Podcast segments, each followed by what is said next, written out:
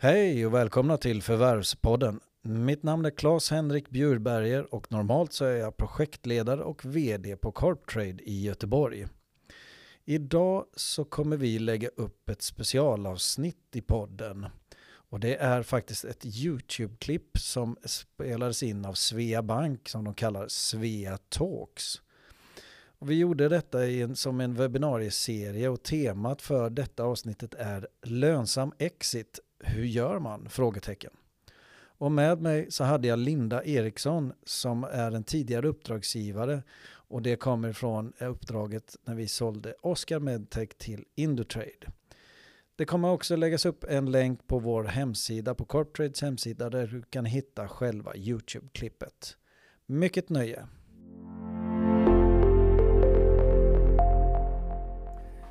Hej och välkommen till Svea Bank och Svea Talks. Tack! Ja, så du har drivit ditt företag ett antal år och en dag ska det skiftas. Och oavsett om det sker snart eller kanske längre fram så är det bra att veta hur man gör en schysst exit. Och vad är egentligen en bra och schysst exit för dig? Idag träffar vi Claes-Henrik Bjurberger som är VD och projektledare på Corptrade ett eh, bolag som hjälper ägare genom en överlåtelseprocess. Och så träffar vi Linda Eriksson som relativt nyligen sålde familjeföretaget. Och så blir det tittarfrågor, bara en sån sak, så häng med hela vägen.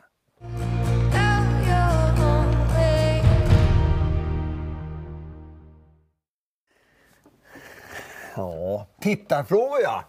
Så jag tror att vi kommer hålla på här kanske 25-30 minuter ungefär och därefter så får ni chansen att ställa era frågor via chatten. Har vi missat något? Behöver vi förtydliga något? Ja, skicka in era frågor så ska dagens gäster svara på dem efter absolut bästa förmåga. Och det tror jag ni kommer göra alldeles utmärkt. Välkomna både Claes-Henrik tackar, och tackar. Linda. Tack så mycket. Tack. Mm. Om vi går rakt på sak där Linda. Berätta.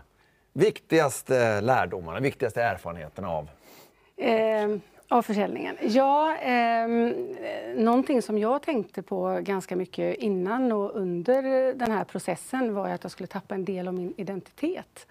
Eh, man är ju ganska mycket, eller många är ju ganska mycket sitt jobb så.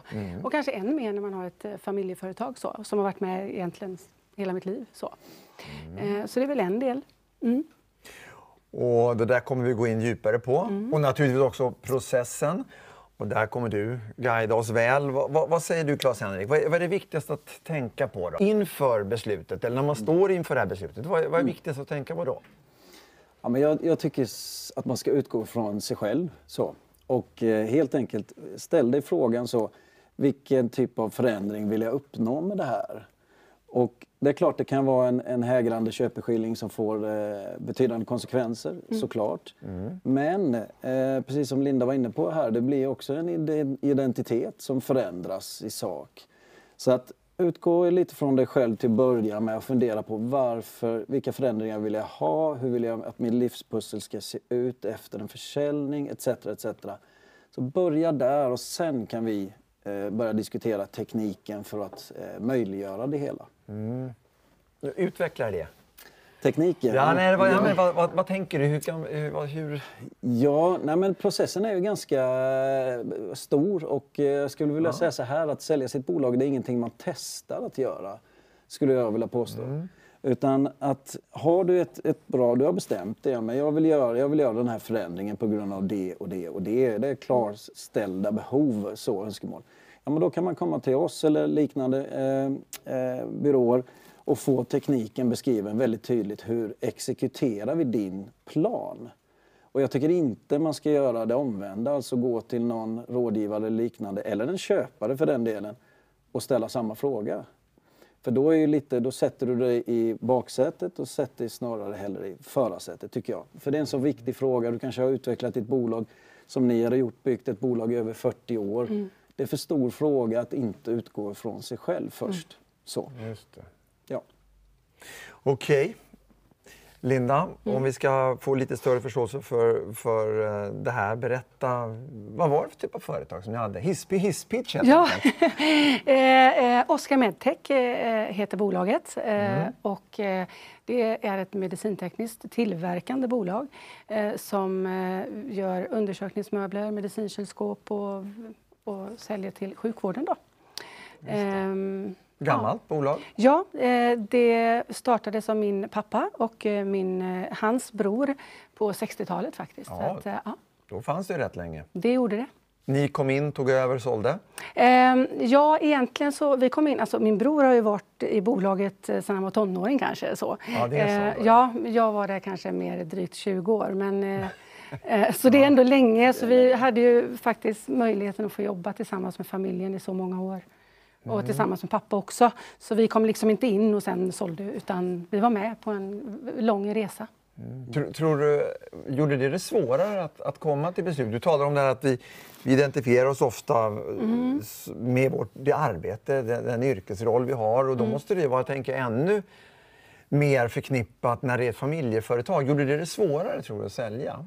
Ja, eh, det gör det ju, för det är så mycket hjärta i eh, bolaget. Men eh, nu hade vi ju en fantastisk pappa som satt på en framtidskonferens strax innan han gick bort och sa till mig och min bror att eh, tappar ni glöden så sälj och låt inte bolaget komma emellan er som syskon, det är det liksom inte värt. Och jag tror inte jag då förstod hur värdefulla de orden skulle bli och framförallt i den här processen då. Så att ehm, den, den känslan kunde man ju liksom Ja, så viktigt. Ja, det var, det var, en jätte, det var jättefint gjort av honom. Och ni, ni känner ju de anställda, har vuxit upp bland de Ja. anställda så att det finns ju relationer där som är, är viktiga, är viktiga för er helt Ja, enkelt. Och den, eh, den, så den, den gör ju det svårare eh, också. naturligtvis. Och ändå, eller kanske trots, eh, trots eller just därför, så har ni ju lämnat bolaget helt och hållet också. Ja, det har vi och det var en av de sakerna som vi kände att vi, vi, vi ville göra då om vi inte längre ägde bolaget då. Eh, så skulle vi fortsätta driva det så hade vi nog fortsatt som, som ägare så. Ehm, Men det var, ja. Är det vanligt det att man, eller hur vanligt är det att man lämnar det helt och hållet respektive är kvar? Ja, men de som kommer till oss och börjar dis- diskutera den här frågan, ägarfrågan, så ägarskiftesfrågan, de har väl ofta lite så en tanke om att Nej, men jag, jag ska nog göra något annat så. Eh, och det kan eh, naturligtvis vara helt rätt. Eh, sen är min upplevelse att längs med processen så kan den tanken i alla fall få en annan nyans. För att du kan träffa en köpare via oss som liksom du fattar tycke för och de- dess strategi och planer passar. Liksom det, verkar, det här är skitspännande att göra resa nummer eh, 2.0 tillsammans med köparen. Vilket ger att man kanske har inte riktigt fullt ut samma roll som tidigare. Men du väljer ut lite de områdena du vill jobba med och kvarstår kanske i styrelse och som delägare tillsammans med den nya köparen. Så att, ja, det, det är lite åt båda hållen så att säga. Just det. Men, men ni sålde, ni lämnade. Vad mer än, än ekonomi låg det då som var viktigt för er? Va- varför vill ni göra det? Eh, nej men jag tror att eh, vi hade liksom gjort våran resa. Eh, jag menar när jag kom in i bolaget, vi omsatte någonstans 10 miljoner och när vi sålde närmare 70. Så att eh, jag tror nog någonstans att företaget eller bolaget förtjänade, alltså att, eller om det skulle kunna växa, vilket vi tycker att det förtjänade att göra, så behövdes det en, en ny stark ägare. Faktiskt. Fanns det några andra incitament då? Eh, ja, men alltså att man ändå kan hinna med kanske ett yrkesliv till. Att det faktiskt var rätt för oss i tiden. Så att eh, min bror han är nyss fyllda 50 och jag är 47. Man hinner ju kanske med en, en, eh, ett, ja, en, hel, en karriär till kanske man ska, men ändå ett yrkesliv, liksom, att man hinner göra någonting mer. Känner du igen de här argumenten? Ja, det är klart. Ja, men det, Linda och Fredrik var ju underbara att jobba med och man lär känna varandra. Man kommer varandra ganska nära under en sån här process och det, det är ju livsförändring eh, som är på gång så att säga. Och, och vi är med som rådgivare och försöker liksom guida så gott det går och gott vi kan. Så, men man lär känna varandra och det är ett tecken på det är väl just att vi sitter här nu lite över ett år efter i, den här, i det här formatet, i den här intervjun. Det, det är härligt och en härlig känsla att kunna göra det. Jag kan tänka mig också att det finns, finns olika tillfällen där man som, som företagsägare, företagsledare vill sälja. Men jag, jag tänker generationsskiften är ju också en sån här som man, ska man göra, ska man inte? Och hur tänkte ni där? Äh, Men alltså, vi var ju väldigt överens om att vi, vi nog inte ville lämna det till en tredje generation. Eh, Vi har två barn var, det skulle innebära fyra kusiner. Eh, Så vi, och, det tillsammans med det andra, att vi kände att vi var klara och så, gjorde också att vi kände att det är läge nu att sälja. Du sa att din, din, din pappa höll ett, ett brandtal, eller vad jag ska kalla det, på, framtidskonferensen. Ja. Tapp, liksom, tappade ni lusten eller vad hände? Då? Nej, men jag ska inte säga att vi tappade eh, lusten på det sättet, men vi var överens och vi, vi, vi var liksom klara. Och jag tror att vi, vi någonstans, ja, det, det, vi var färdiga med det helt enkelt. Okej. Jag, jag, jag, jag, jag, jag läm, vi lämnar det och Ja. går in liksom lite mer konkret. För jag, jag förstår att oavsett eh, företag så är det som en liten bebis. Och Ja. är, är det då ett familjeföretag och det kanske är ett, ett arv eller man har funnits i, i generationer så är det klart att det är svårare. Sådär. Men vad, vad säger du då? Vad är receptet för att göra en bra affär oavsett vad nu bra innebär? Då? Ja, men precis. Nej, men utgångsläget är väl lite att sätta sig i en köpares eh, sits eller skor. Mm. Det är bara att tänka sig att komma in till ett nytt företag där helt första dagen och man ska in och liksom, man hittar inte ens vad kaffemaskinen är så att säga. Bara liksom en, även om det är en köpare som är i branschen och kanske har förvärvat flera bolag sedan tidigare så är det här bolaget unikt och har sina rutiner och sina förutsättningar som måste förmedlas på ett klokt sätt.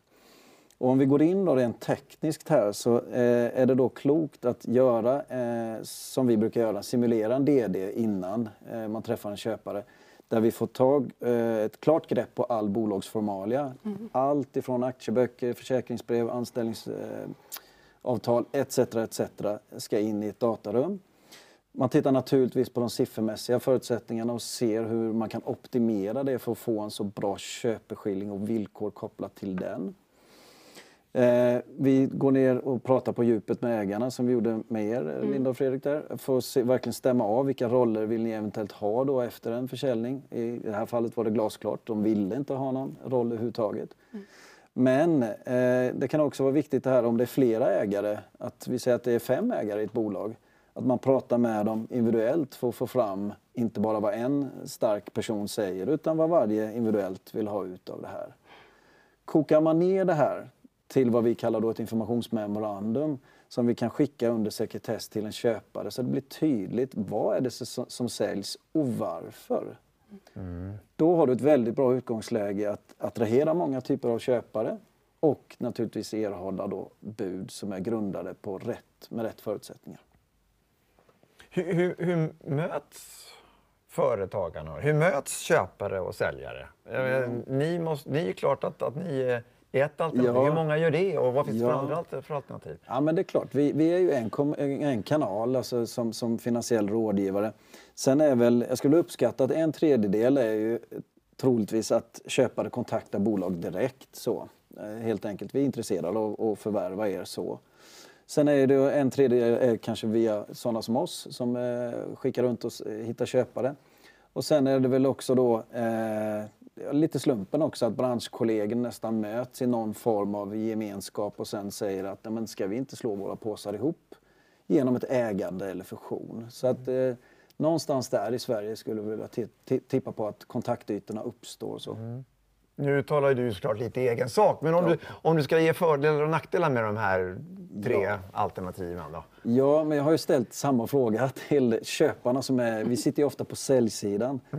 Så jag har ju ställt för samma fråga till köparna vi träffar bara för att få lite hum om hur de tänker. Ja. Och det är klart att det, de uppskattar ju då det här när de är ensamma på banan. Alltså kontaktat en, en säljare direkt, alltså ett bolag direkt och få kontakt med ägarna. Att man kan ha lite ostört samtal, man kan bygga en relation lite kafferep innan då man går in i en, i en eh, förhandlingssituation, alltså prata köpeskilling eller då givet en, en due diligence. Och det, det, förstår, och det kan ju vara en fördel såklart också för säljaren. Nackdelen, den uppenbara, är ju att man sitter lite i knät på en köpare och har kanske inte så många valmöjligheter, vilket vi förespråkar då att man ska försöka få. Ja. Okej. Om vi ska titta lite mer på, på det konkreta då. Vad, vad, vad, vad händer om man tar vägen via någon som, som ni? Ja, ja, men initialt så börjar vi verkligen att skanna av hela bolaget och försöker liksom eh, ta in allt. Vad är det som driver värdet i det här bolaget? Så. Mm.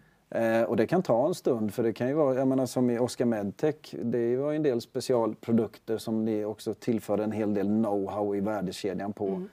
Och det måste vi kunna förstå och sen tolka in i det siffermässiga och sen som sagt var presentera klokt för en köpare. Så, så att eh, ja, återigen, det vi startar med det är egentligen fem steg. Det är en värderingsrapport, det simulerar en DD, det är att stämma av med ägarna, det är en legal granskning och sen en gemensam handlingsplan som förbereder ägare och bolag inför en exit.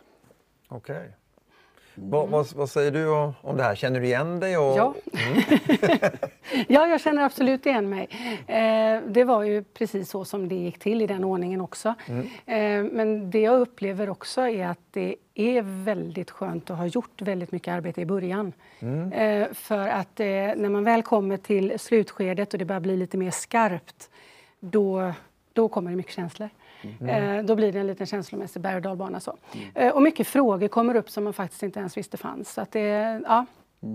så att jag känner absolut, absolut igen mig i processen. Ja, den mentala processen är du inne på lite nu. Vad, Ja. vad, vad händer där då? Eh, jättemycket. Eh, jag tror också att det är, det är viktigt att man faktiskt har tänkt igenom innan, eh, precis som du är inne på, då, varför, varför man gör det. Eh, och att man faktiskt är överens. Eh, nu har ju vi en fin relation, jag och min bror, så vi har varit, var verkligen överens om eh, att vi skulle sälja nu och eh, också vad vi ville ha för bolaget. Jag tror att det kanske också är lite bra, för när det väl börjar närma sig och det kommer bud och sånt, vad, är vi villiga att sälja för?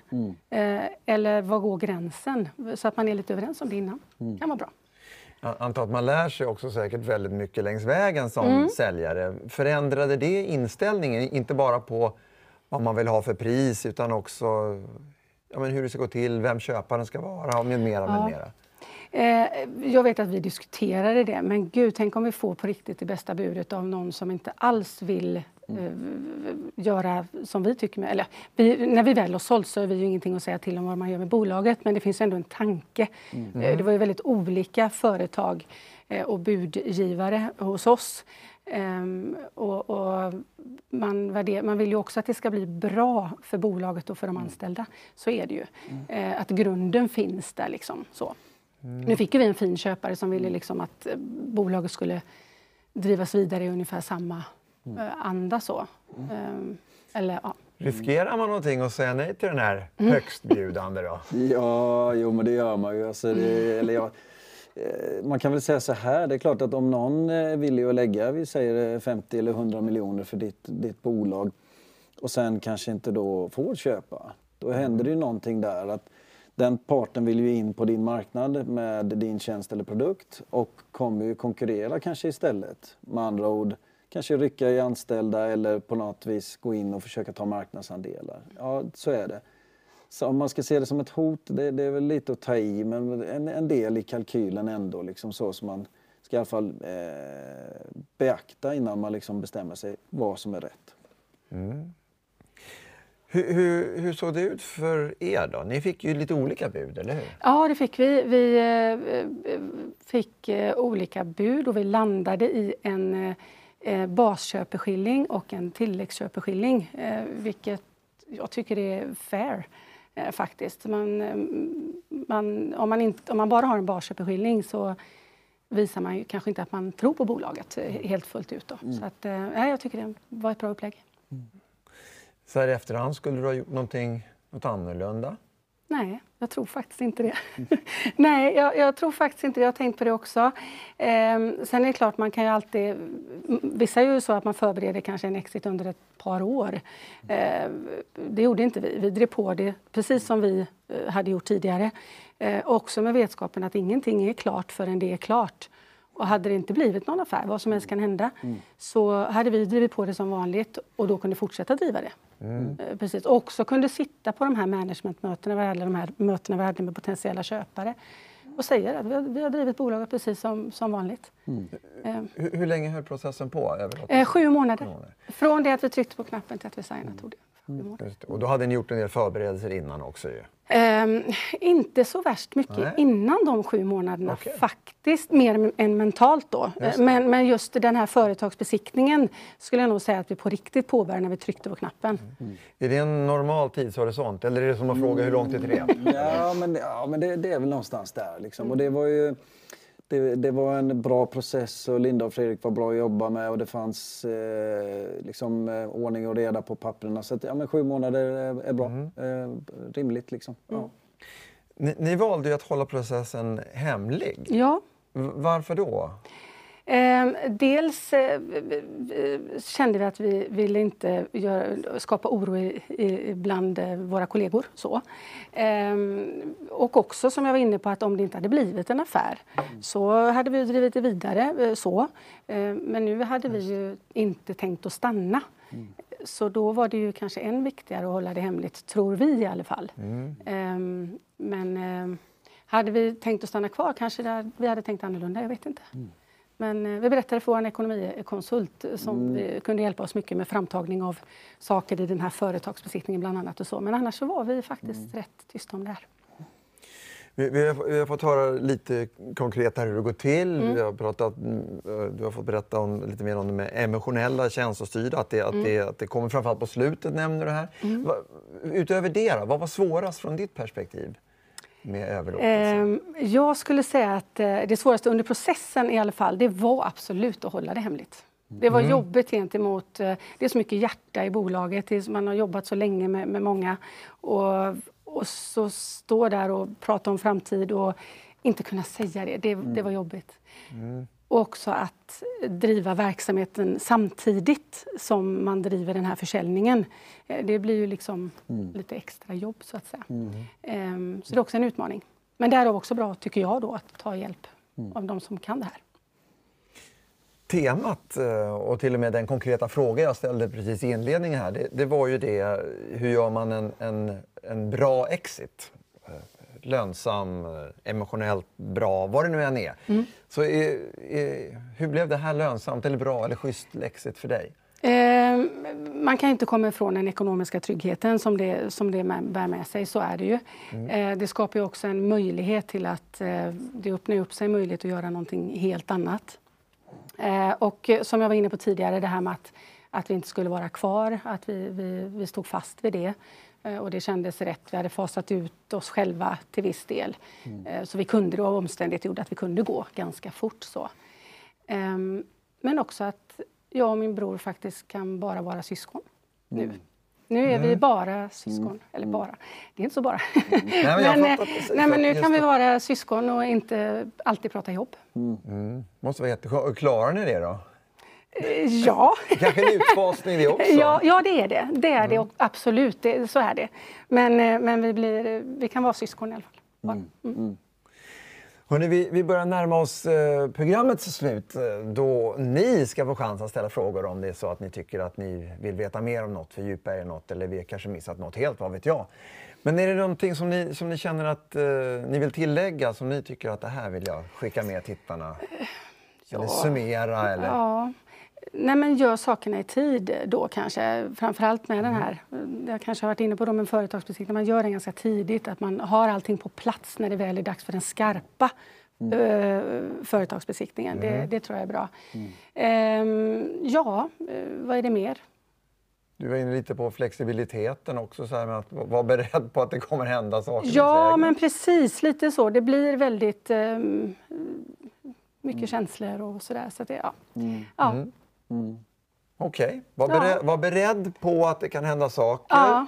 Känslomässigt, emotionellt men också läromässigt. Mm. Och vad säger du då, Claes-Henrik? vad, vad vill du summera eller lägga till? Ja, nej, men en klok man eh, sa till mig en gång här att om du vill ha en förändring så måste du faktiskt lägga in lite tid i kalendern för att kunna skapa den här förändringen. Du kan ju inte bara köra på som ingenting har hänt och lägga detta, den, en sån här process on top på allting.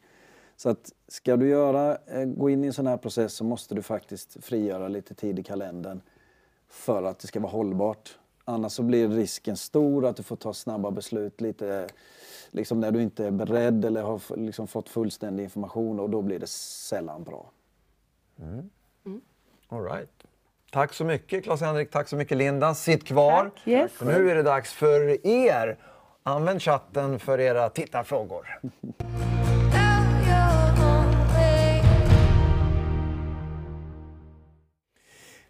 Ja, jag, jag, medan ni nu börjar skriva så tänkte jag ta en fråga som, som jag kom på här under gång. Och det är det här med, med eh, vi pratade om, om due diligence, vi pratade om värderingar av bolag och så. Hur, det kan man göra på olika sätt va? Man kan också se det på olika sätt har jag förstått.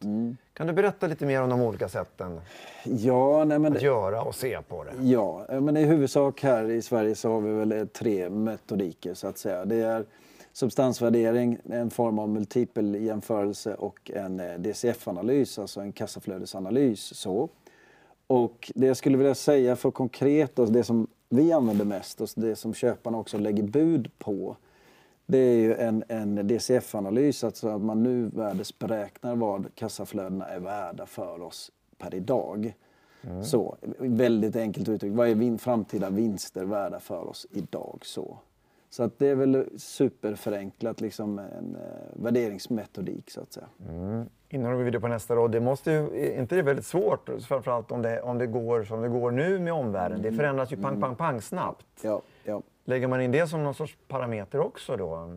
ja, alltså svårigheten för oss som jobbar med det varje dag, det är ju faktiskt att få rätt input in Ah. till den här värderingstekniken. För att precis som du säger nu, så har vi eh, makroekonomiska faktorer som rör sig väldigt eh, oregelbundet. Vi har saker som vi inte kan påverka överhuvudtaget. Eh, naturligtvis det är krig i vårt närområde etc. Så att, att få rätt input till våra beräkningar, det vågar jag påstå det är en utmaning. Och då får man då ta höjd för det i vad man kallar då företagets risk i och med att kalkylen blir helt enkelt mer osäker. Så att med andra ord, för att svara på din fråga, ja det är en utmaning när det är osäkra tider, ja. Okej. Det andra värderingssättet? Ja, ja men precis. Multipel jämförelse. Det är väl väldigt eh, klassiskt här att man kan ta fem gånger årsvinsten eller fem gånger ebit. Det är väldigt klassiskt eh, vanligt. Det är ofta kopplat till börsbolag så kan man ju se vad de går för. tre- 13 gånger P etc. etc. För att få lite mer referenspunkter då vad det kan handla, eh, vad, det kan handla om i bolagsvärde. Men ursprunget eller utgångsläget för oss är en DCF-analys, alltså kassaflödena i ett onoterat bolag. Du nämnde den, den tredje också. Jag kommer inte ens ihåg Ja, sub, ja substansvärdering. Ja. ja. Ja. men då tittar man på balansräkningen och ser vad den är värd. Väldigt Okej. förenklat. Så att, eh, det, är inte, det, är inte, det är mer för att stämma av balansräkningen. Det kanske inte vi någonting som vi applicerar till vardags. Så. Sty- Styrs det av vilken bransch det är? Styrs det av vilket bolag det är? Vilken stor... Eller vad, ja, Ja, absolut. Alltså, om man ska ta de här ytterligheterna då så kan vi ju se på SaaS-bolag, alltså Software as a Service-bolag som kanske har en framtida intäkt som ligger långt fram i tiden. Om man har återkommande intäkter så får man ha en liten annan eh, beräkning eller eh, ansats till det. Tittar man också till andra ytterligheter, det kanske kan vara att man kan få ett patent eller ett eh, life science-bolag som ser fram emot att, skapa en medicin då som får approval så att säga, får ta ytterligheterna. Men tillbaks till den här DCF-analysen, alltså kassaflödena är trots allt centrala i, i merparten av våra uppdrag i alla fall. När man tittar på helt enkelt vad, vad genererar det här för framtiden för en, en köpare. Just det. Okej, då ska vi se om det har kommit in några frågor från, från er, helt enkelt. Ehm, just det, här har det kommit en lång fråga från en som heter Rickard, men jag, jag läser så får ni hänga med. Ehm, förbereder generationsskifte genom att på rekommendation av revisorn ha startat ett holdingbolag. Sonen har startat ett eget aktiebolag. Idag driver jag företaget i ett eget bolag. Tanken är att sonen ska ta över det nuvarande bolaget genom att hans eget bolag köper mitt och slår ihop med sitt. Sen får hans nya bolag en skuld till mitt holdingbolag. Är du med?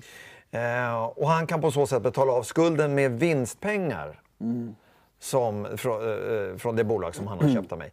Fungerar det här som beskrivet eller finns det några hakar med detta? Det, det, ja, det är en lång fråga men, men det är ändå ganska, han är ganska konkret Ja, här. han är konkret. Eh, och jag får vara lite politiker i det här. Jag, jag, Mm. jag säger väl troligtvis skulle det fungera att sätta upp en, en revers eller någon form av skuldförhållande mellan bolaget. Men Det är, eh, kan jag inte säga varken bu eller bä på. Man, man måste titta på det lite mer noggrant och se om det finns någonting som kan smitta eller liknande däremellan.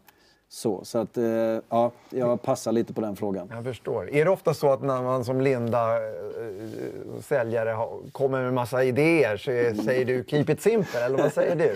ja, nej, men om man tar lite till som den här frågan kommer ifrån. Hur ska man bygga ett bolagsträd eller liksom hur, organisationsträd, vem som ska köpa vad etc.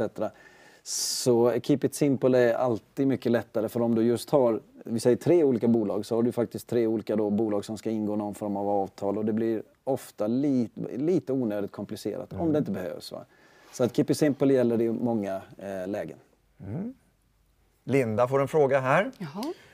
Hur stor andel av köpeskillingen var bas slash tillägg? ja, ehm, vad var den Claes-Henrik? Ska jag hjälpa dig med Ja, jag tror att jag kan den men... Eh...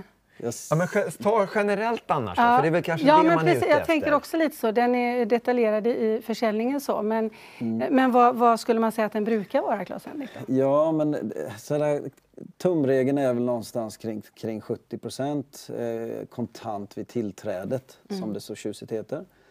Eh, och I det här fallet så hamnade vi närmare 80 procent. Mm. Så. Eh, så att, eh, och resterande då 20 eller 30 procent är tillägg? Ja, precis. Ja, precis. Okej. Okay. Och för att bena ut det, liksom, vad är tillägg? Vad innebär det? Jo, en tilläggsköpeskilling då, eh, tror jag många har hört det ordet, men det innebär ju att någonting ska ske för mm. att ytterligare pengar ska betalas ut. Exakt, efter försäljning. Exakt. Efter försäljning, ja. Och det kan oftast bygga på en viss e alltså, eh, ebit-resultat, rörelseresultat. Så uppnår man vid en viss nivå så kommer det ut mer pengar. All right. Tackar. Mm. Jag har fått ytterligare en fråga från en Louis. Eh, Okej. Okay. Hur pitchar jag, presenterar jag ett bolag som går back men med vinster garanterat om två år? Likvida medel tar förmodligen slut innan men kommer att ge en bra avkastning. Mm. Hur säljer man det? Hur presenterar man det? Hur pitchar man det? Ja, men man får jobba med en prognoskalkyl där. Alltså var det Louis han hette där. Ja. Eh, han får ju tänka på här att beskriva det tydligt vad omsättning och lönsamhet kommer att bli framöver. Så.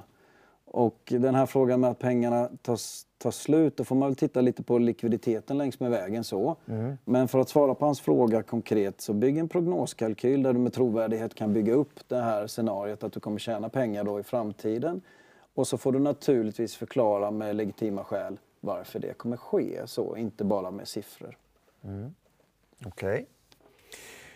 Ska vi se om vi har någon till. Uh, just det, här kommer från Rickard. Eh, ditt tips vid generationsskifte om mitt förslag är onödigt krångligt. Ja, det är Rickard igen såklart. Ja. Så är det. Ja, men okej då. Det var lite för krångligt. Om vi nu säger att det är det. Vad vet jag? Ja. Så vad är ditt tips då? Kring ett generationsskifte? Ja. Ja du. Ja, men alltså, men det ska få sticka ut hakan lite här nu. Börja med att tänka lite så här att det här generationsskiftet är rätt för alla parter. Vi har ju varit på den pucken tidigare här idag. Men jag tycker liksom här, återigen, en annan klok man sa till mig så här i ett generationsskifte att den du ska generationsskifta, om du lägger ut ett, en anställnings, eh, vad heter det, anställningsannons om en ny VD. Om den eh, personen inte får den anställningen som du ska generationsskifta till, om du förstår vad jag menar, får komma ens på intervju. Då ska du kanske fundera på om det är rätt för både då den som tar emot och den som ger att genomföra ett generationsskifte överhuvudtaget. Och då kan det vara en extern försäljning vara aktuell istället så att säga. Men som sagt var, det, det får vi bara hypotisera lite här. Mm. Så, ja. Fattar. Hörrni, eh, klockan börjar springa iväg. Jag vet att många av er har andra saker som ni ska både eh, ta er an och eh, lösa. Eh, och driva bolag om inte annat, antar jag. Och kanske till och med påbörja försäljning av bolag efter att ha sett det här. Vi kommer hinna med en fråga till och sen så får jag hänvisa till, eh, till eh, ja, kanske i alla fall Claes-Henrik för vidare frågor vid senare tillfälle. För, för er som sitter och tittar på det här live så är det ju det, men för er som tittar på det i efterhand så finns det ju inte möjlighet att ställa fler frågor. Men eh, Claes-Henrik försvinner ju inte utan han är tillgänglig längre fram för att svara på eventuella frågor från er. Eh, sista frågan för dagen är, brukar man använda endast en värderingsmodell eller en kombination av flera? Mm. Ja, men det är en bra fråga. Alltså, jag tycker att man ska utgå ifrån en, i vårt fall ofta då en DCF-analys. Men försöka hitta, hitta referenspunkter i andra värderingsmetodiker, alltså exempelvis multiplar. För att kunna liksom, med säkerhet kunna pinpointa vad bolagets värde är. Så att en grund att stå på, men referenspunkter i andra metodiker, det kan vara klokt. Mm. Tack. Några avslutande ord, är ni nöjda? Nej då, det känns bra. Ja, vad bra att det känns bra, för det är viktigt. Tack för att du Ja, kom hit. Tack så mycket. Ja, tack, också. Jag tackar naturligtvis även er som har följt oss det här spännande webbinariet. Det finns flera att titta på. Följ länken här nere så kommer ni att kunna lära er ännu mer på en massa olika teman såklart. Nästa gång vi har eh, en livesändning från eh, Sveabanks huvudkontor i Solna utanför Stockholm, det är den 30 november och då handlar det om eh, Black Friday bland annat. Vi får hit prisjakt. Vi får hit eh, Sveabanks Emma Lindgren och då ska vi gå igenom siffror och insikter från just Black Friday. Så hör upp alla ni som är handlare, det blir viktigt för er. Ha en fortsatt bra dag. Tack och hej.